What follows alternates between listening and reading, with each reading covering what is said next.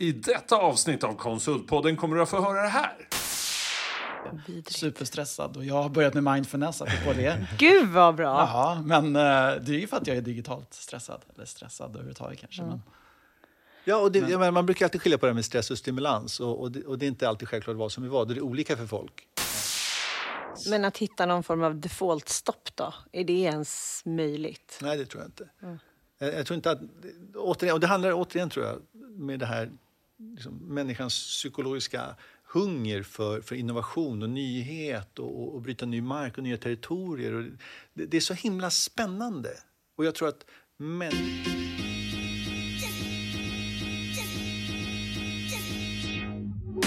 Konsultpodden, den största podden för dig i konsultbranschen. Med mig, Helena Torhage, Håkan Mild Svensson och Mattias Loxi. Bakom podden står Berotech och Synode okej, vi är redo. Konsultpodden! Woop! Woop! Helena, Yes! hur känns det? Nej, men det känns ju alltid bra. Ja. Nu, vi har faktiskt haft en paus, är det någon som har märkt det? Ja, vi tog lite längre Det påsklov. var, ja, det var Yes. en, en eh, bra påskledighet kan man säga. var Från det här. väl- Men därför har jag längtat efter att vara här. Me too, som man brukar säga. Och vi har ju faktiskt Håkan med oss, men han är från ett sydligare land, Frankrike. Varför är du i Frankrike, Håkan? Ja, det är kul att få vara med i podden igen. Ja, men ja, vi gjorde ett livs... eh, inte ett livsbeslut, men vi sålde en liten lägenhet i Åre för ett år sedan och sen så bestämde vi oss, vad ska vi göra nu då? Och då hittade vi ett litet stenhus. Eller inte så litet egentligen, Nej, det är inte så här nere i. Frankrike. För inga pengar alls, men det är, det sjukt mycket att göra. Eh, Så där har jag varit här med Helena en månad här nere då. Jag åker hem imorgon. Det det är ju, först var det arbetsläger två veckor innan alla gästerna kom. Sen blev det hotellverksamhet i två veckor. Så att All är right. totalt slut. Men Så det var ett snick, snickare, projektledare och hotelldirektör och servitör Ja, och, och- kock. Och, Precis, allt. Just det, du är i många nya branscher. Ja. Mm. Ja, det är så det är när man giggar Ja, men- runt lite. Blir det ett bed and breakfast där till slut? Ja, det blir ett family and friends. Ja, kanske lagom. du är ju min förebild, Håkan, som jag brukar säga. Det där, ja, jag ser fram emot det där. Det är klart vi ska vara Frankrike här. om några, några år. Det gick ju bra i valet också, känner jag här nere nu i Frankrike. Så att det känns okej. Ja. Eh, Men det är Ja. många besvikna ändå, eller? Ja, det är det. För jag Mm. tycker de jag har lyckats prata med som är därifrån är ju ändå inte helt nöjda, även om det är mycket bättre med Ja, Macron. precis. Ja, härligt. Vilken Ja. gäst vi har idag då. Ja, idag är det framtidsspaning, AI, digitalisering. Ja, vi har eh, affärsutvecklare inom digitalisering och AI, expert Patrik Couch. Välkommen! Tack så mycket, vad kul att vara här. Vad spännande. Och du är ju faktiskt den andra gästen vi har från Solita. Ja, jag hörde att Petronella hade varit här tidigare. Ja, det var jätteroligt, men nu har vi helt annat eh, tema eller ämne. Ja, det ska bli jättekul. Jag känner mig nästan lite ringrostig här efter pandemin. Folk har ju börjat vakna till liv igen eh, på många sätt och vis och även jag. Så att det här ska Ja. bli jättekul att se vad vi Ja, kan och ta du där. är ju van att föreläsa, visst är det så? Absolut, jo då. Innan pandemin var det en totalt naturlig del av mitt jobb. Men sen så när pandemin radikalt digitaliserade allting och gjorde allting virtual så blev det helt annorlunda. Eh, på gott och ont och annorlunda och sådär. Så att vi har ju anpassat oss till det också. Eh, men nu känns det som att vi är på väg tillbaka lite grann mer. Men du har kört lite webbinar och... Oh ja, absolut. Så blir det ju. Alltså, det stannar ju inte upp, men, men det förändras. Och takten kanske påverkas också. Men, eh, men det har varit en, en, en omställning även för mig som expert och person som är ute och pratar om saker och ting och sådär. Så att det har tett sig annorlunda. Men, så det känns jättekul att sitta vid ett rum, ett bord och liksom ha riktiga människor. Och, Vi har till och med ätit lunch. vi har till och med till lunch tillsammans, supertrevligt. Så att, Ja, det eh, ja, det känns kanon. Föreläsningen har också digitaliserats, så att säga. Så är det. Men eh, ska vi bara li, lite kort bakgrund om dig. Och, för du har varit konsult inom... Ja, berätta, lite ja, kort. Eh, ja, lite kort. Eh, ja, från ett konsultpodden-perspektiv. Jag har varit konsult, jag har varit konsultchef, jag har varit anställd, jag har varit egen. Eh, alltid inom eh, IT-branschen, vitt och brett. Eh, utbildningsmässigt är jag ju humanist, så att jag har ju been learning on the job, som de säger, de senaste 25 åren. Men eh, ja, jag har väl en hel del erfarenhet inom just digitaliseringsfrågor relaterade till kanske ja, hur teknologin driver på förändring och hur vi som företag, individer, samhällsmedborgare, mammor och pappor kan dra nytta eller hamna i blåsväder på grund av digitalisering. Så att det finns mycket att... Och du hade ju, Prata om eh, var länge på IBM. Bara berätta, för du har jobbat med Watson. och- Ja, talesperson där. Ja, Ja, ja, precis. Nu är jag på Solita och innan Solita så hade jag varit nästan ett årtionde faktiskt på IBM och jobbat med olika saker. Bland annat då som konsultchef och som konsult eh, inom analys och data science men också då som talesperson för eh, IBMs artificiella intelligens-erbjudande. Teknologi, mjukvara, tjänster eh, och liknande. Så att jag har varit ute mycket och pratat om det och verkligen blivit duvad i vad det innebär att eh, ta till sig vissa av de här teknologierna. Både möjligheter och utmaningar. Så det, finns, det kan man också gräva ner i om man är så lagd. Ja, vi- ska fortsätta prata just om digitalisering. Men innan vi liksom går in på ehm, mer konkret vad man kan göra och vad som händer just nu. Kan inte du hjälpa oss? Det här har vi varit inne på tidigare också, att vi saknar liksom visioner. Våra politiker ger oss inte bilden av vart vi är på väg någonstans. Och vi vet att det går att digitalisera jättemycket, hela affärer digitaliseras. Eh, men varför? Varför blir det bättre? Kan du ge oss en bild av vart, vart vi ska? Ja, okej, så det, det är mycket i det där. Men, men vart vi ska är väl en sak, eh, vart vi kanske kommer hamna i en annan. Vad, vilka möjligheter vi har. Vi skulle kunna ha ett drömläge och sen kan vi prata om eh, farhågor på vägen dit. Drömläget är väl att eh, eh, vi lyckats skapa ett inkluderande digitalt först samhälle för alla. Eh, kan vi göra det så finns det mycket spännande som kommer i det kölvattnet. Eh, misslyckas vi med att eh, genuint transformera oss tillsammans med möjligheterna som teknologin och digitala teknologier framför allt erbjuder så kommer det bli ett problem. Och lyckas vi inte få med alla på tåget så kommer det bli ännu större problem. Så att jag tror att vi har samhällskulturellt samma typer av utmaningar som vi alltid har haft.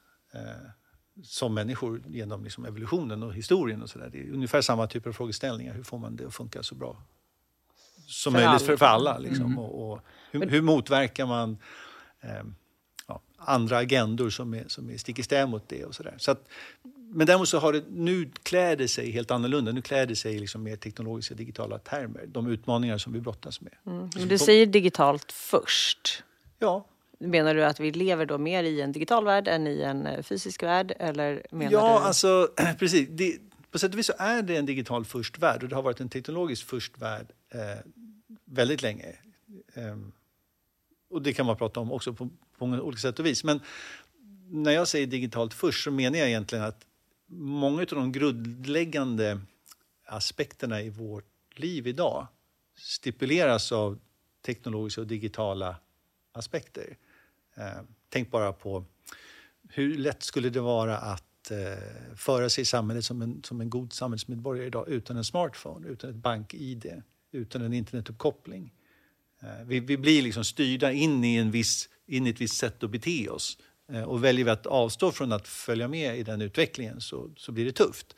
Eh, det är klart att du kan ju, behöver inte vara teknologiskt sofistikerad alls idag. Jag, vet, jag har ett landställe ute på Ornö utanför eh, Dalar i Stockholms skärgård och där finns det ju eh, gröna vågor från 70 80-talet som är, som är ganska negativa till, till teknologin och ganska nöjda med att vara en del av liksom den framtid som, som, som kommer fasa ut dem.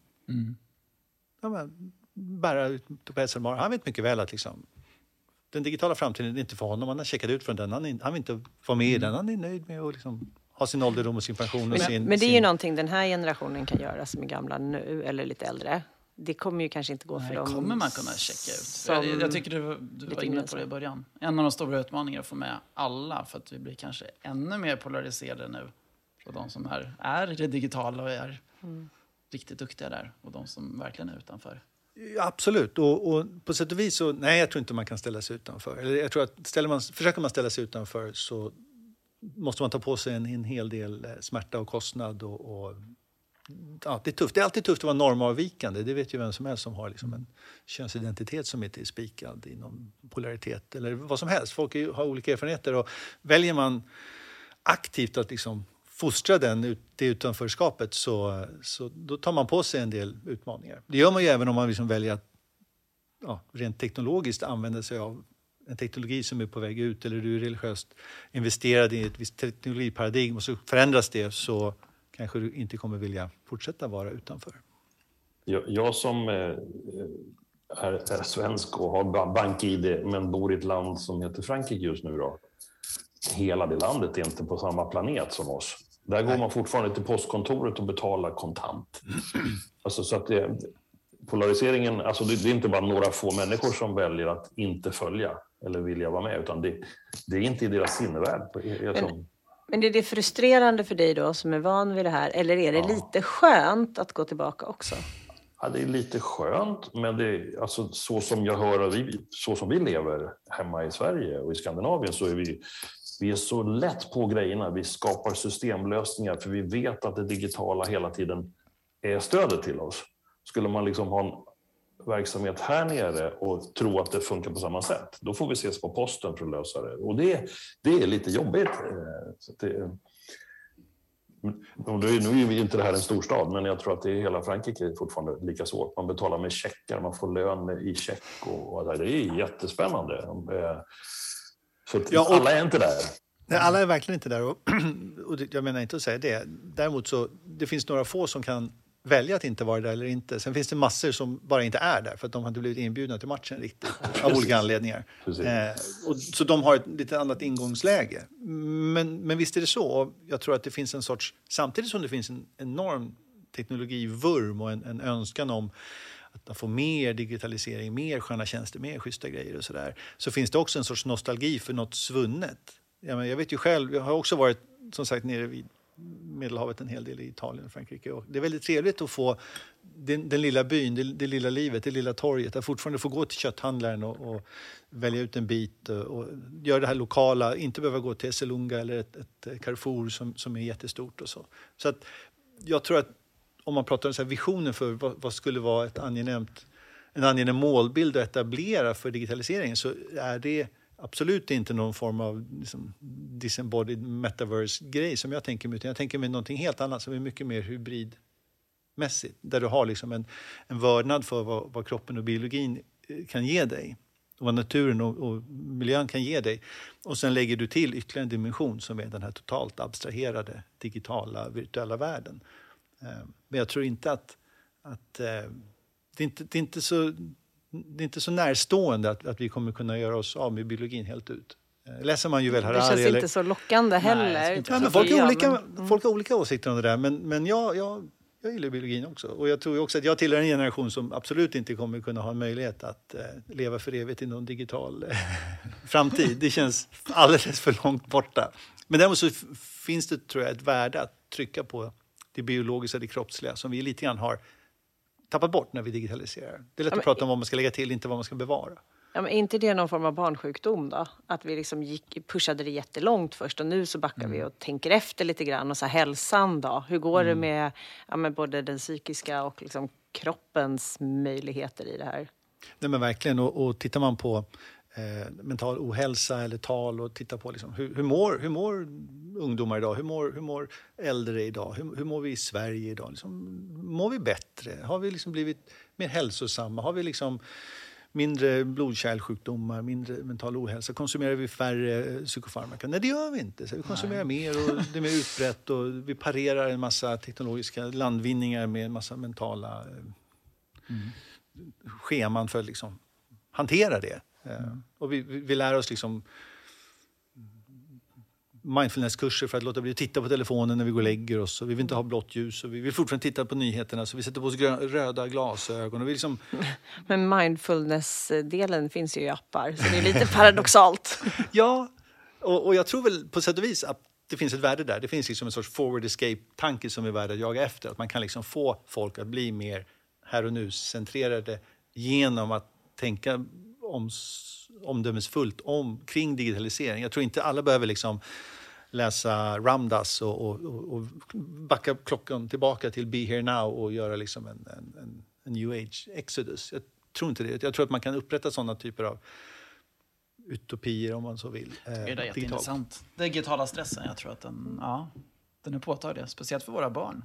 Oh ja, Och det är, och vad pratar vi om? 18-åringar, hälften går upp mitt i natten för att kolla sociala medier och är Vidrigt. superstressad. Och jag har börjat med mindfulness, apropå det. Gud vad bra! Jaha, men eh, det är ju för att jag är digitalt stressad. Eller stressad överhuvudtaget kanske. Men, Ja, och det, jag menar, man brukar alltid skilja på det här med stress och stimulans. Och, och, det, och det är inte alltid självklart vad som är vad. Det är olika för folk. Eh, Så det som du blir stressad av kan du bli stimulerad av och tvärtom. Så att det gäller ju verkligen att känna sig själv. Och jag tror att digitaliseringen idag ställer enorma krav på självansvar. Ja, det blir ett självledarskap även Ja, i ett att ta till sig det lagom mycket. Men det gäller ju också att bygga någon slags resiliens i sig själv så man klarar de här äh, intensiva perioderna som kanske är superdigitala. Då. Men då handlar det ju om så här basic grejer som att sova bra, äta rätt, röra på sig och så vidare. Och då klarar man ju mer också. Och även för ungdomar då som som hamnar i den här psykiska ohälsan. Det är vissa grejer de måste ha. Sen kan de ju surfa resten av tiden, men tiden räcker inte till till Man allt. måste lära sig sätta gränser Ja. själv. Ja. Ja, jag tror det är väldigt utmanande för många. Ja, och jag tror att på samma sätt som eh, jord, när jordbruket eh, tele- teknologifierades och, och, och blev mer sofistikerat och kunde frigöra mer raffinerade produkter så gick det också för fort för oss. Så nu när vi har tillgång till raffinerade sockerarter, vi har liksom maltodextrin i, i massa eh, födoämnen, vi har raffinerade vita eh, mjöl, vi har MSG-säckar att köpa i asiatiska mataffärer. Allt möjligt. Liksom. Och, och den biologiska kroppen är ungefär densamma som den alltid har varit. Om man tittar på så här, Och samma med 100 000 hjärnan. år av liksom evolution, biologiskt har inte hänt någonting. Och så tittar man hur äter vi och hur lever vi och hur många hade kontorsjobb 9 till 5 för 100 000 år sedan? Det var ganska få. Ja, men sådär. och samma sak är med teknologin. Liksom den typen av dopaminpåslag som hjärnan svarar upp mot när den, när den blir utsatt för vissa visuella triggers när man är ute och surfar. Eh, Det är samma utmaningar som vi har kring kosten. Så det spelar liksom ingen roll om du, om du äter för mycket eh, vitt socker eller tittar på för mycket dopamintryckande action content i, i din eh, sociala feed eller vad det nu är för någonting. Så du, du, du är fortfarande biologisk, psykologisk varelse i grund och botten. Och, och den måste du förstå. Förstår du den, då kan du dra nytta av det här på ett jättespännande sätt. Och där, men där har det inte funnits... Eller förlåt, Håkan? Nej, men jag tror att i, i varje tidsepok, generation, så har man haft ungefär samma mängd problem. Alltså, jag menar, när vi var bönder då för hundra år sedan så hade ju halva befolkningen, eller 90 procent av befolkningen i Sverige inte råd att äta. Det fanns inte mat till alla och, och man, gned, man gnodde tills, och så dog man vid 37 års ålder. Alltså, nu har, vi, nu har vi ett annat läge, men vi beter oss ju precis på samma sätt. Vi har inte blivit ett dugg smartare. Vi, är ett fåtal människor som utnyttjar det här, de här skiftena som kommer. Nu är digitaliseringen en otrolig ekonomisk kraft. Den som är först på bollen, den som förstår det här och kan använda det, är ju en vinnare. Och så är det ett gäng som liksom kommer lite sent och är bara stressade, som Mattias. nu, precis, Och jag. jag väldigt negativ. Jag är väldigt men jag- för digitalisering. Men Ja, jag skojar med, men alltså, vi, är alla, vi, är, stress. vi är alla eh, i, i, i någon form av resultat av situationen. Då är det klart att det, det blir ju det blir tufft. Jag, menar, jag vill bara säga det, att det, det har alltid funnits och nu är det nya tekniker som gör att vi agerar på det här sättet. Och maten, som du säger, är otroligt konstigt hur vi håller på med eh, jämfört med betor och potatis då, som var för hundra år sedan. Ja, men visst. Och, och det här med digitalt först och, och bryggningen däremellan, bryggan däremellan är ju lite grann hur vi kanske då eh, copyrightar genmodifierade eh, sädesutslag och liknande och på så vis skapar ekonomiska strukturer som, som har med sig egna utmaningar. Och det kommer med teknologin, det kommer med möjligheten att ah, du kan förbättra det här vetet på det här sättet och helt plötsligt så blir det mer motståndskraftigt mot någonting. Och då boom kan du också patentera eller copyrighta det. Och, och sen så kan du driva det och trycka det och sälja det. Ja, men det, blir liksom, det är inte alltid bara superklart och för, eller lätt att förstå vad uppsidan är genuint. Och detsamma gäller digitaliseringen, någonting som kan till synes verka som en supersmart idé. Så försöker man skala upp det och så blir det bara pannkaka, man får inte till det. Men vilken möjlighet. Jag läste din blogg där om det här, det, vad kallar du det? The Global Digital Village. Att liksom Ja, vi, vi kommer tillhöra en och samma by. Tillgång till allt, alla. Det, alltså det är den här liksom ultimata möjligheten det innebär, men också jättemycket risker. Och särskilt om man har fel etiska tankar så kan man skapa enorma krafter. Men det är rätt häftigt att inse att marknaden är inte bara i den här lilla byn längre. Nej. Den är överallt. Eh, Nej, men så är det verkligen. Och jag tycker verkligen att Marshall McLuhans tankar kring The Global Village är en fantastiskt bra modell att, att, att ta till sig som en sorts Berätta sorts lite synsätt. mer om- om- Ja, eh, så Marshall McLuhan var en eh, kanadensisk professor i media och kommunikation eh, på 50-60-talet. Och han var i väldigt i ropet då. Eh, men sen när han dog så dog även liksom samtalet om honom. Och det tror jag hade att göra med att han var så otroligt obegriplig. Men idag med internet väl på plats, alla sociala mediala yttringar och allting, så helt plötsligt så läser folk McLuhan igen och inser att aha, ah, ja, ja, nu fattar jag vad han pratar om. När han pratar om elektricitet så pratar han egentligen om internet och massa sådana saker som han måste ha varit otroligt svår att förstå i slutet av 60-talet. Men det är helt uppenbart idag att han var på bollen. Mm. Så, så Marshall McLuhan är lästips. Och en av de saker som han belyste var liksom att det är oundvikligen så att när vi digitaliserar och kopplar samman hela planeten så kommer vi till slut ha en enda global by. Mm. Så alla, alla, de, alla de intima relationer som man tidigare hade på ett väldigt begränsat materiellt eller fysiskt avstånd du kan, bara liksom, du kan bara lära känna dem som du kan gå hem till. Du har ingen telefon, du har ingen radio, du har ingen megafon. Du, liksom, du känner bara de som du kan gå till och sen så hör du i hörsägen vad som händer kanske några mil bort. Och så här. Helt plötsligt idag så har vi liksom en planet som är en by som har en digital marknad. Och när EU pratar single digital market så har de rätt, men de tror att man ska kunna jobba inom EU. Men det kan man inte, man måste jobba globalt. Och, och det är därför det här med inkluderingen är så viktigt. för att man vill inte ha liksom en, en, en dark web eller liksom en, en, en pool av liksom halva planetens människor som inte är med. Och vad som händer där är någon form av flykten från New York anarki och det är bara mm. mörkt. Det är som dark web. Nej, det vill man inte ha, utan man vill ha alla med. Men får man alla med så har man den här globala byn som en möjlighet att, att ta till sig.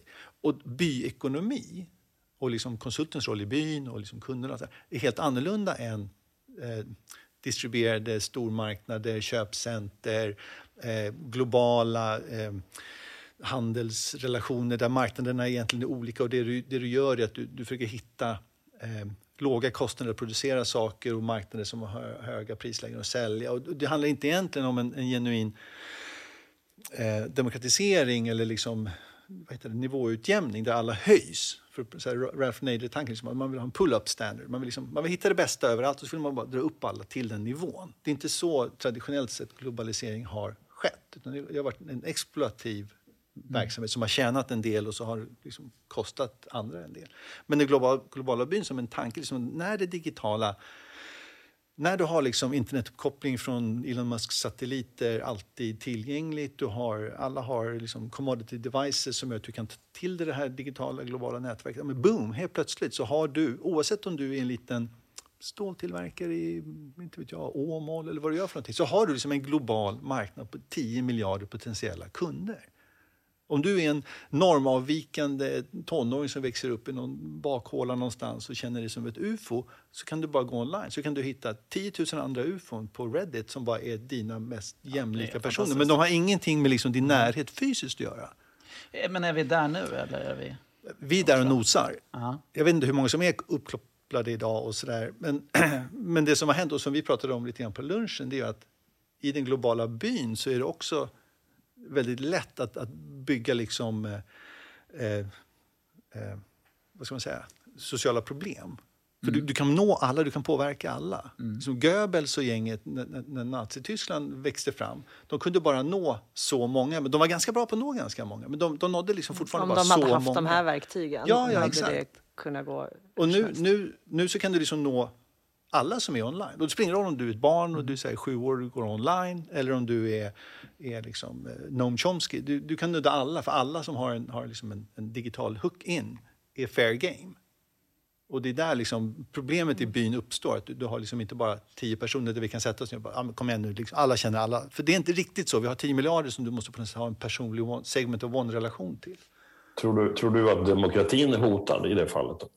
Ja, det tror jag absolut. Och jag tror att eh, teknologin, som sagt, är sitt eget medium och den driver sin egen korrosiva, vad säger man, vad säger man corrosive? Alltså den, den, den vittrar sönder massa saker som vi tror är eh, eviga, men det är de inte. Och man måste hela tiden kämpa för dem. Och har man, har man liksom omfamnat demokrati som, ett, som ett, något som man tycker är positivt så måste man förstå att det är en sorts minoritetshandling. Att omfamna demokratin som en princip som är så, ja, men det är klart. Men vi som alla har gjort det tycker att det är det mest naturliga och enklaste i världen. Det är klart det måste vara demokrati. Vad ska alternativet vara? Vi har ju jättesvårt, jag har jättesvårt att rita upp mm. ett för mig giltigt icke-demokratiskt upplägg. Nej, det går ju inte. Men jag, tänker om, jag kan tänka mig att digitaliseringen borde ju skapa möjligheter för att utbilda alla i den här byn. Så att vi blir lite bättre medvetna. Men då måste det finnas system som gör att vi, att vi utbildar med rätt saker. Det är klart att det kan alltid komma en illvillig tanke som, som Putin nu då, eller vem vi än väljer, så, så kan det bli, gå jätteknasigt. Men eh, jag, jag tänker mig att om, om, om vi lyckas höja nivån på kunskap hos alla, då blir vi lite det borde bli bättre. Mitt ja, naiva jag vill ju tänka att det finns fler goda än liksom onda. Så att om man nu, om man nu har en jämställdhet i det där och eh, lika mycket röst, liksom, då borde ju den sidan ändå vinna över. På något sätt. Jag, jag, vet inte om det går att jämföra med det här hemska kriget som är nu inte långt bort ifrån oss att jag har aldrig varit med, så, så, så, jag har aldrig känt att jag varit så involverad, även fast jag vet att det finns massa marknadskrafter, det är fake news, allt möjligt. Man är ju, det känns som vi vet mycket, mycket mer. Det mm. blir väldigt nära på något sätt genom att det är bara 60 mil från Sverige, men det handlar inte om det menar jag, utan att vi, är, vi är väldigt där hela tiden, mm. för första gången. Eh, det borde jo, men... göra att vi gör det här färre gånger än förr. Jo, det, och det är intressant och du har verkligen rätt i det att i den här digitala byn så finns varken tid och rum. Allt är liksom en punkt, är liksom ett, ett, ett evigt nu. Som, allting är tillgängligt. Du kan, liksom, du, du kan ja, men hur ser det ut i Ulan Bator? Så kan jag liksom googla fram någon bild på Ulan Bator så boom, så ser jag ett tält och jag ser jakarna och jag ser liksom, åh, det är spännande och sådär. Och det, jag har allting för mina fingertoppar liksom. Och, och det gör ju att även sådana här saker har en potential att slå an en emotionell ton som sen kan driva en, en, en psykologisk förändringsprocess. När du ser liksom hemskheter som sker på marken. Även om folk säger så här, nej, nej, det är bara fake news, eh, det är inte det du ser. Så är det fortfarande så, men det är fortfarande så att folk får himla illa nu, oavsett detaljerna. Och det i sig, i bästa fall, kan då liksom internaliseras emotionellt genom de här digitala teknologierna. Jag tänker på en parallell till när USA invaderade, eller krigade i Vietnam. Så var det ju första gången USAs krigsapparat blev granskat ur ett journalistiskt perspektiv. Och de hade för första gången en better journalist på ett helt annat sätt än de hade under, under Koreakriget och under andra världskriget. Och det som hände där det var ju att det beteende som de amerikanska soldaterna normaliserade där visades upp hemma, där det inte var normalt att elda ner byar och hålla på. Liksom. Och det blev ju en enorm opposition mot det. Och USA bemötte det genom att helt plötsligt ta kontrollen över journalistiken och, ja, och styra narrativet och sådär. Och det har de sen gjort framgångsrikt i alla sina krig efter det. Men, men du har rätt eh, Håkan, mm. att, att eh, potentialen är där. Möjligheten till något fint och positivt är där i den här intimiteten som, som teknologin och digitaliseringen kan etablera. Problemet är att den kan göra exakt motsatsen genom att den är visuellt driven och ögat har en distans. Jag tänker också på miljöfrågorna. Om, om, om vi då med bara några knapptryckningar kan se hur det ser ut på alla möjliga ställen i hela världen så kanske vi också skapar en opposition kring beteenden som vi inte är nöjda med idag. Men som sagt, det är som en atombomb. Så länge vi inte trycker på knappen så är den ofarlig. ja, det här, det här. ja, men på, på sätt och vis. Eh, och samtidigt så jag, tror ju in, jag, jag känner till några bra exempel där vi som människor har insett att vi har möjlighet att göra vissa saker och sen valt att inte göra det. Jag tänker på så här, genetik, stamcellsforskning. Man, man inser att ah, vet du vad, så jag kan odla ett människoöra på en musrygg eller jag kan stoppa in ett grishjärta mm. i den här patienten eller jag kan liksom stoppa in tomatgener i fisk. Ja, men, så här, jag kan fippla med det där. Och det, det, har aldrig hänt vad jag känner till att vi har sagt så här, ja det kan vi, så här, men, men det nu gör vi inte det, så det där är lite så. Utan i bästa fall vad vi gör det är att försöka, okej okay, men vi skapar liksom ett, ett, regelverk för hur vi ska göra det här. Vad, vad, vad, hur ska vi odla öronen på, på musryggen? Liksom? Ja, men vi, så här får man göra, man får inte göra så där. Man, man får ha några apor, men man får inte ha jättemånga apor i burar. Men massa sånt där. Så försöker vi fippla med det. Och det behöver vi ju göra med den här atombombsdigitaliseringsteknologin också. Vi kommer in på det nu kanske. Med, med AI, liksom ja. både visioner framåt och framtidsspaningar. Sen finns det ju det här kanske osäkerhetsmomentet med AI. Ja. Kommer AI ta över världen och Terminator-aktigt? Ja, alltså precis. Det där är alltid en fråga som kommer upp. Och, och om ni kommer ihåg Elon Musks första eh, eh, sittning med eh, Joe Rogan när han drack whisky och rökte gräs och pratade om, om eldkastare och allt möjligt så pratade han väldigt intressant om AI också. Och det han betonade som jag tycker var väldigt rätt och klokt av honom det var att för Joe Rogan frågar också det här, ja, men mm. kommer AI, liksom, den generella intelligenta mm. AI, om vi leker med tanken att den kommer, kommer den vara elak? Mm. Och Elon Musk bara, nej den kommer inte vara elak. Så det är inte det det handlar om, det handlar om att du kommer inte kunna kontrollera den. Yes. Så dess agenda liksom är, är dig dold. Och, och det är intressant, för och det är intressant ur ett så här, ja, konsultpodden-perspektiv också. Så att, givet komplexiteten i de här teknologierna så är det väldigt svårt att styra utfallet. Så att om du, om du har massiva dataset och du har massiv, eh, massiva komplexa algoritmer som bearbetar de här datasätten på ett, på ett otroligt komplicerat sätt, då kommer du till slut ha ett utfall kanske en rekommendation för hur du ska föra dig marknadsmässigt eller hur du ska, hur du ska ändra din produktutveckling eller vad du nu ska Som du kanske inte kommer riktigt förstå. Rekommendationen, du kommer inte säga, vad, vad har den gjort? Jag vill ha liksom, varför tycker du att vi ska helt plötsligt inte göra så här som vi har gjort hela tiden? Och algoritmen bara, men det är datadrivet, det är här solitt. Du bara, konfidens 98, okej, okay, men fan, jag fattar ändå inte. Och tappar du den förståbarheten, spårbarheten, då kommer de här obegripliga grejerna hända, som händer hela tiden numera. Alltifrån att liksom Google producerar konstiga rasistiska resultat till att eh, Apple skårar kvinnor och män olika i sina betallösningar. Det är pannkaka överallt. Liksom. Mm. som försöker rekrytera folk och kan inte. Ja, men det är jättejobbigt. Och det handlar mycket om den här förståbarheten. Så att när man pratar om liksom, kommer AI ta över världen så tror jag inte den kommer göra det ur, med ett uppsåt, om man säger så. Men teknologin är så mångfacetterad och komplex och vi är så många inne och fipplar med den att det totala liksom utfallet, vad som händer när det där får verka igenom, är ganska oklart för oss. Liksom. Det är mm. svårt att säga så, men hur blir det nu då? Eh, så det tror jag inte har med liksom, det är inte det att en, en, AI kommer genomtänkt över världen men vi kommer inte kunna styra vår värld för den är för komplex. Men att hitta någon form av default-stopp då? Är det ens möjligt? Nej, det tror jag inte. Mm. Jag, jag, tror inte att, återigen, och det handlar återigen tror jag med det här liksom, människans psykologiska hunger för, för innovation och nyhet och, och, och bryta ny mark och nya territorier. Och det, det, är så himla spännande. Och jag tror att män, människan har alltid varit en sorts varelse som har levt i sin egen fantasi. Så the creature of the imagination, lite grann, om man tänker sig Juvel Harari. Eller någonting. Liksom, vi skapar historier, så att om vi alla bara enas om vilken historia som gäller, då kan vi göra massa saker. Så att om, om, vi, håller, om vi kommer överens om att svenska valutan eh, ska kopplas på något sätt och hit och dit. Så här. Helt plötsligt kan vi börja förhandla. Du kan säga, okej, okay, du får två spänn, du får två kronor för den här pennan, men du får, du får 100 kronor för den där pennan och helt plötsligt kan vi göra massa saker. Men om du helt plötsligt hittar på en annan historia och säger så här, nej, nej, nej, nej, nej, jag har en helt annan insikt, eh, an, liksom, idé om det här. Då kommer det där bara krackelera. Och helt plötsligt bara, nej, så här, den här är inte värd 100 spänn. Så Elon Musk vill börja sälja Tesla-aktier och helt plötsligt dyker kursen. Och det är så här, han kan inte sälja några aktier, det går inte. Så här. För det, vi, det, är en historia som vi enas om att han får inte sälja, för säljer han då vill jag också sälja och då säljer alla. Och då är det bara över. Så att, jag tror att det handlar mycket om att hitta de här gemensamma eh, men det måste, ja, men, och det måste ju bli svårare om vi nu samlar hela den globala befolkningen ja. som ska mm. vara överens Helt om samma bild. Och sen så kommer man från sjukt olika bakgrunder. Och ja, det är och, så diverse som det går att bli. Yes, och det är därför det är så...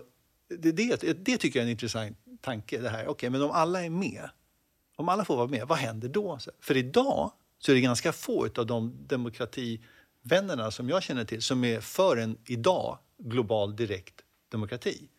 Vi bara radar upp alla som finns idag, som är mellan, inte alla som är över 18 i hela planeten. Upp med dem på en rad och så får de sträcka upp handen och så röstar vi om någonting. Vi ställer en fråga, så, ah, hur ska vi göra med det här? Och så alla röstar. Alla amerikaner kommer att säga det tycker inte vi är en bra idé.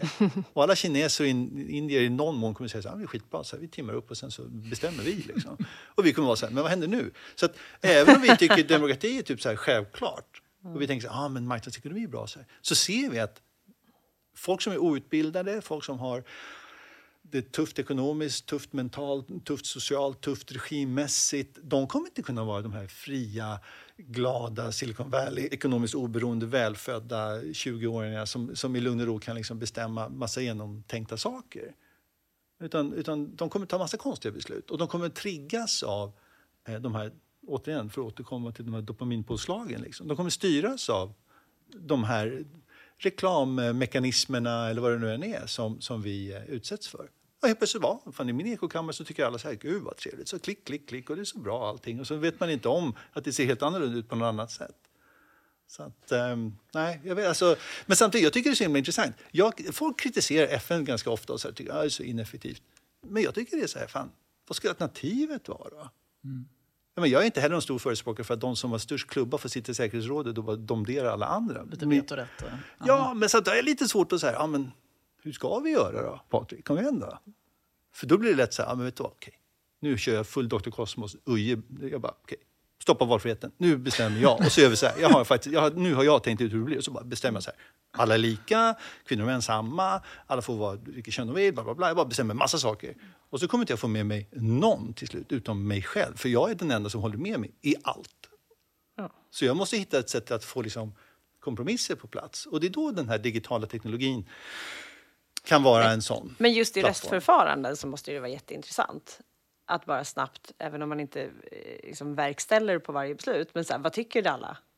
Ja, vad, vad, vad absolut. tycker hela världen om det här? Säg något, för vi, vi har ju varit så väldigt låsta vid landsgränser. Och det här, Ja, ja. det här har ju inte så mycket med länder att göra. Nej, nej, länderna är passé. De har redan verkat ut sin, sin legitimitet i mångt och mycket. Ja. Det ser man ju. Folk har en annan lojalitet mot varumärken, mot, mot block eller mot vad det nu är för någonting. Mm. Men, men jag tror verkligen att ehm, det, det, som, det som behövs för att genuint ta till sig potentialen i digitalisering, det är en, en orädsla. Du måste låta folk få rösta till exempel. Som man tittar på USA. Så hur styr Republikanerna det politiska klimatet i USA? Jo, det är genom att kontrollera vilka som får rösta, hur man får rösta och vad man får rösta på. Så det är mycket gerrymandering, det är mycket så här superkluriga processer för att, för att rösta. Och det gör att liksom en viss klick av människor röstar inte i USA. och Ja, då så kan känns liksom- det ändå uppfattas demokratiskt. Ja, ja. Inte. Ja. Och, och, och det är det som är så himla intressant. Att om man bara skulle göra det superlätt för alla att rösta. Vilket USA. känns så självklart. Självklart. Alla bara, du, det enda du, behöver Mm. ha, du, behöver, kan- du kanske bara behöver ett tumavtryck och en åsikt och så, bara, så går du när som helst bara och trycker tummen och så säger du någonting och så får du vara med. Liksom. Klart. Och helt plötsligt får alla, alla, alla hemlösa i San Francisco får vara med och rösta om saker och ting och ingen av dem röstar idag. Om, om saker som rör deras lokala område. Så de är bara offer. De är bara liksom, så man, man vill liksom frigöra folk, göra folk förmögna att ta till sig Och teknologiska kä- alltså, känna att man får påverka. Det är Känna att man får jätteviktigt för ens liksom, meningsfullhet. Om man går vidare och tänker lite grann på konsultbranschen idag, då, hur, hur tycker du Patrik att hur, hur, hur långt har vi kommit? Hur, hur bra är vi på det här? Förstår vi? Det är stort, hopp från den stora Vad är globala konsultens Nej, men-? Men det här är ju det vi vill prata om bara, att det är så otroligt intressant med Ja, hela... absolut. Ja, alltså konsult, konsulten är ju, som vi pratade om tidigare på lunchen, eh, intressant. För att å ena sidan så är ju konsulten den som inte sitter i linjen eller den, den, den personen som är, den externa parten som är inbjuden till att ha en åsikt i någon fråga som är intern. Eh, samtidigt så är ju de flesta konsulterna kanske anställda eh, och inte eh, egna. Då. Så att det här med ja, men hur bra är vi på att vara konsulter, ta till det digitala, är en mångfacetterad fråga. Men jag skulle väl ändå säga att idag så är hastigheten av teknologiutvecklingen så hög. Det går så fort att du, du kan inte tro att du har en core-verksamhet som du har haft jättelänge. Tänk ett bolag som eh, SKF till exempel. De, de var först på att vara bäst på kullager. Och det är deras claim to fame. Sen har de förvaltat den genombrottsinsikten på ett otroligt imponerande sätt. Och en av anledningarna till varför de är så framgångsrika är för att de har förstått när de behöver ta in annan expertis. För deras core, ex, deras core expertis handlar om eh, eh, friktion och, och rotation och sådana saker. Och det kan de, material det kan de bättre än alla. Men de kan inte bäst om hur man nyttjar kanske en, eh, en, en edge-lösning som idag är fysiskt tillgänglig att ställa upp. Hur bygger man en, en lights out factor? Hur får man liksom optimerings, maximering på plats i en fabrik? Det är inte deras core business och då måste de ha en extern part. Och, det, och där är de här teknologikonsulterna väldigt viktiga för de har i bästa fall grottat ner sig i de här snabbrörliga områdena som potentiellt sett har en bäring på någons core-verksamhet. Och i det mötet så har konsulten en jättestor Men, men även hos konsulterna, det saknas ju digital kompetens överallt. Oh, ja. Och det spelar ingen roll om man kan rekrytera från Ja, andra länder, det finns liksom inte. Halveringstiden på en kompetens nu Ja. har gått från 14-15 år. Alltså halveringstiden är hur mycket är den här kompetensen värd i framtiden om jag tar till mig den nu. Så den är på 4-5 år nu, för att vara på så här 15-20 år. Och teknikmässigt, så det du lär dig nu, Helena, Mm. om två och ett halvt år så är det hälften så mycket värt. Så att det är, det är en Det kan ju skapa en stress om någonting. värld Ja. kompetensutveckling. Och konsulterna måste hänga med. Ja, absolut. För det är väldigt få eh, bolag idag som tycker att en hållbar eh, verksamhet bara behöver en tvåårshorisont. Och sen löser det sig. Så rullande fönster på två år framåt och sen så tar vi liksom alla våra strukturinvesteringar. Det är, ingen tänker så, utan alla sätter en längre plan. Och i den där längre planen så behöver man någon annan som har en helt annan plan eller hastighet eller rotation eller vad man ska kalla det för, liksom, halveringstid. Um, och i, i det så finns det i bästa fall ett, ett väldigt hälsosamt möte mellan liksom en core-kompetens och en digital eller teknologikompetens. Och den här teknologikompetens, då tänker jag den liksom inte bara som IT-specialism inom, du vet, jag är integrationsexpert. Jag tänker även liksom strategiska frågor, hur man ska tänka organisatoriskt, processmässigt. Det finns ju tusen fast, eh, aspekter, dimensioner av det här med, med IT. Jag kan, jag, kan, tänka mig att det finns ju konsultbolag i världen som är som SKF, att man har byggt upp sin verksamhet på en stabil försäljning med en speciell kompetensnivå som då halveringstiden bara så här, trycks ihop idag. Mm. Och, och, och att, att, vända en sån stor koloss till att hinna med att leva i tvåårscykler kommer vara skitsvårt. Jag tror att den ena trenden i konsultbranschen är att de, för att få ekonomi, då bygger man stora bolag, bolag man liksom köper upp och blir jättestora. Det motverkar ju någonstans den förändringstakt som sker. Så jag tror egentligen att den, vinnarna är de här små Betydligt mindre än Berotech, betydligt mindre än Synod kanske, som är så små bolag som på något sätt bygger lösningar och hittar nya människor, är, är mycket mer kreativa. Absolut, jag, jag håller med dig om det. Mm. Jag tror du har helt rätt. Jag tror att två saker som talar för det precis. Det, det, en, det, det ena är startup-världen och hur viktig den har blivit för många aspekter av, av eh, den övriga världen idag. Eh, och nummer två, de här interna eh, inkubatorerna eller eh, labben eller eh, entreprenörsöarna som, som, stora bolag etablerar är ju för att försöka hitta liksom någon form av dynamik mellan det här behovet av att ha en Stena-gruppen 60-årsplan på plats och vara, vara förmögen att ta till sig snabbföränderlig eh, teknologi och, och, kultur.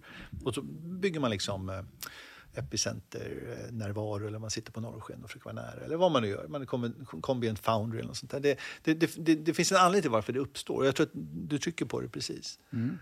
Du har rätt. Vi, vi på Zenod gör ju faktiskt en, en årlig undersökning med Digital Engine. Per de Falve bland annat, som varit med förut. Mm. Kolla just på den digitala. Hur digitala är konsultbolagen? Och då inte bara internt utan även sin leverans.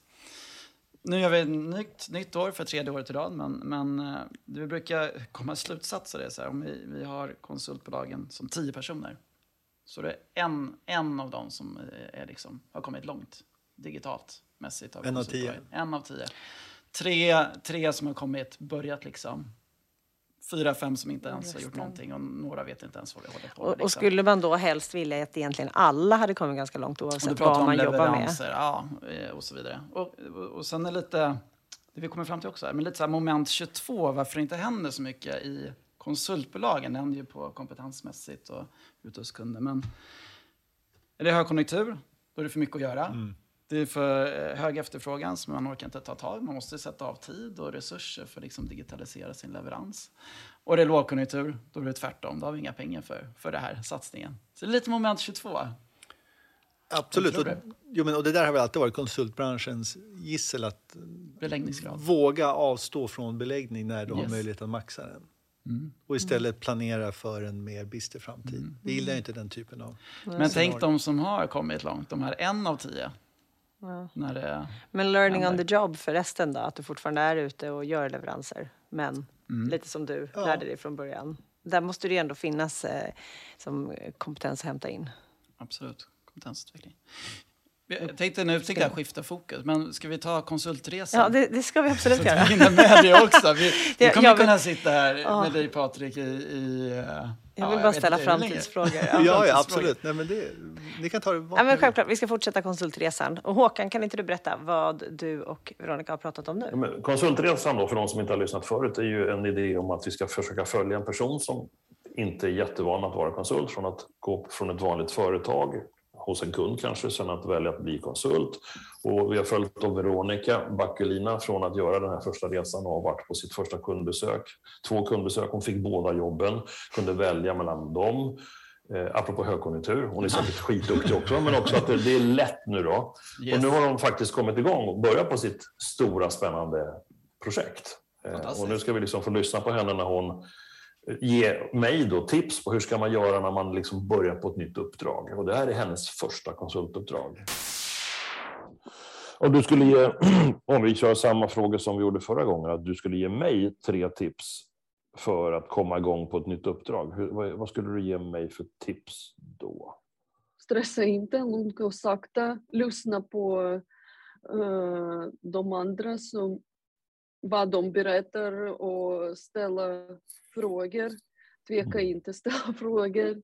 Nej, Bli nyfiken igen. just det. Det Mm. samma som är jätteviktigt. Och Precis.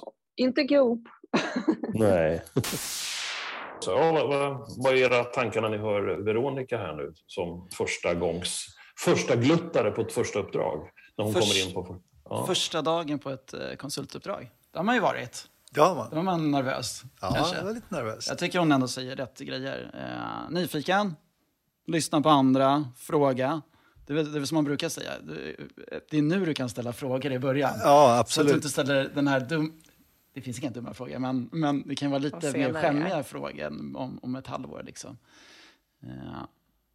Håller du med? eh? Ja, absolut. Och man brukar ju säga att det finns anledning till att vi har två öron och en mun.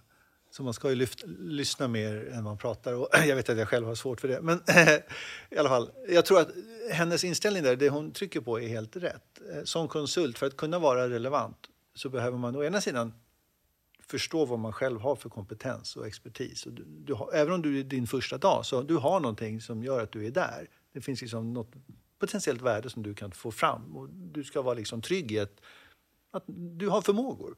Och har du den tryggheten på plats, då kan du med ett öppet sinne, utan rädsla, ställa frågor, lyssna, vara nyfiken och bara liksom se till hur kommer du in rätt här? Så att det blir precis som Håkan säger, man vill ju liksom snabbt etablera någon form av positivt momentum kring ens närvaro som konsult när man är en extern part. Och det gör man genom att vara relevant så fort som möjligt. Och det kan man inte vara om man inte förstår sig själv och förstår situationen och kunden som man är hos. Men jag tycker det är bra också att de tar det, stressa inte.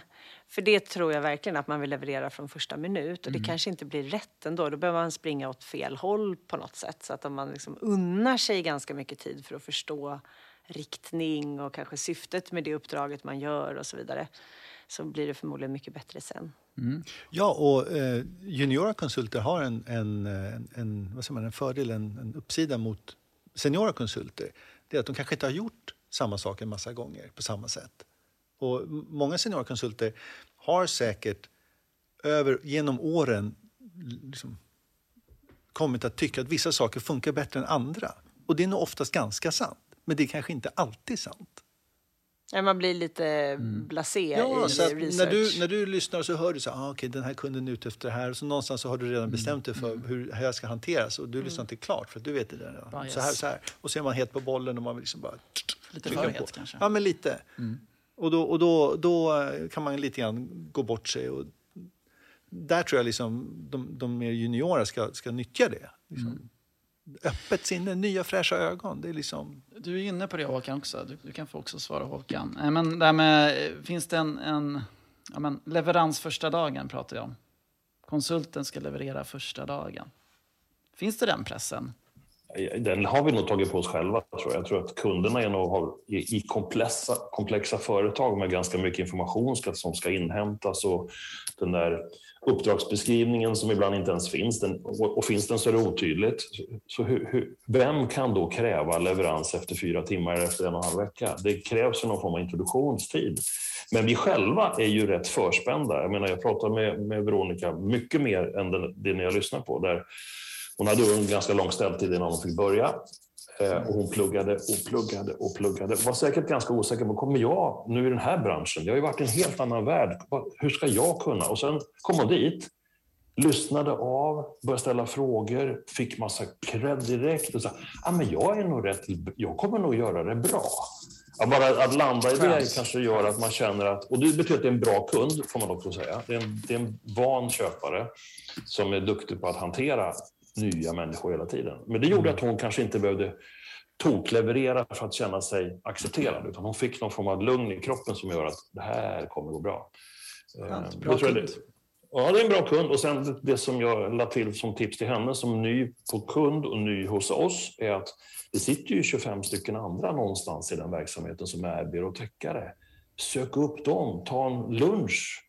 Aj, aj, ja. Nej, men jag, jag måste foka på mitt uppdrag. Nej, men, ta en öl efter jobbet då, säger jag, så att du liksom lär, för du får så mycket bra nätverk. Bygg nätverk. Ja, tack snälla, tack snälla Håkan, vad snälla ni är. Ja, men så, så tips för en ny, ny konsult helt enkelt. Men stort tack för att era reflektioner kring eh, Ja, Ja, tack det, konsultresan. jag tror vi Ja, får det. sammanfatta lite hela avsnittet. tror jag också. Sagt, Absolut. Du skulle kunna prata hur länge som helst. Har du några reflektioner, Helena? Ja, men jag har så många. Jag, jag tänker just den här bilden av vad man vill. Då den globala byn finns och är jämlik och så vidare. Men också att man kanske har löst vissa liksom, hållbarhetsproblem på vägen. Så att det också är den världen som inte är digital är också mycket bättre runt oss. Skulle jag vilja liksom ha in i den bilden. För att digitalisering är en förutsättning för att lyckas med vissa saker.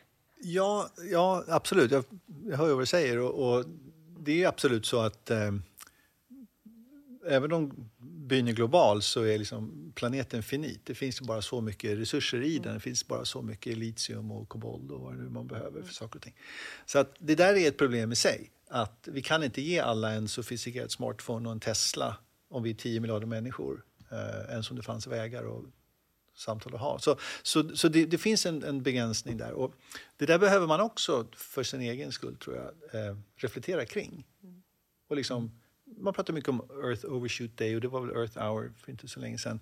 Ehm, och problemet är att vi lever idag på ett sätt som gör det omöjligt för all, många andra i världen att leva som oss. Och då är vi lite grann parasiter på en, en gemensam resurs som är planeten. Och det, där är ju lite tufft. Liksom, Ja, men, för att man vill då inte tänker liksom, jag ju att ha- var det den här globala byn så kanske inte vi skulle få tillåtelse av resten att göra det. Medan nu kör vi på för att vi bara tittar på Sverige och jämför med våra grannar. Och de har ju minsann varit i Thailand tre gånger de senaste åren så att då kan jag också vara det. Nej, men så är det ju. Och jag menar, det finns en anledning till att de som sitter i säkerhetsrådet FN gör det. Det finns en anledning till att de som eh, förskansade kolonier runt om i världen gjorde det. Och liksom, vi som har liksom lett eller varit i, i ledningen av den här industriella revolutionen och, och liksom kolonialismen och allt vad som har kommit liksom, med kanoner och stål och you name it, ånglok och sånt där. Vi har liksom kunnat stipulera villkoren för alla andra. Så att om du är en icke-teknologiskt icke-utvecklad eh, marknad så har inte du så himla mycket att sätta emot om Ryssland kommer in och säger, eller Kina kommer in och säger ja men vet du vad, vi, vi finansierar hela infrastrukturen här, vill ni skriva på här? Och så gör man det. Och så, Säger man ja. så att, det där är en utmaning och i det så och det är därför jag tror att det är jättebra att väcka klimatfrågor, vä- väcka miljöaspekterna, hållbarheten i det här liksom, digitala samtalet. För att elektrifieringen är inte lösningen, det fossila var inte lösningen. Eh, eh, inte vet jag, kall fission kanske är lösningen, men det känns också som en... en Ja, men det, måste finnas, det måste finnas med som en parameter. Det hänger upp. ja, och, jag. och som vi pratade om tidigare med Hans Rosling och hela den positiva bilden som han hade. Av utvecklingen, Han ja. hade ju liksom en stor kreditinteckning och det var klimatet. Man kan inte trolla bort det i rela- i relativa termer. Hur positiv han än var, liksom, så det, har bara, det har kostat att etablera de här förändringarna för oss. Men digitalisering kan hjälpa det mycket. Tror Det jag. kan göra det. göra det effektivare.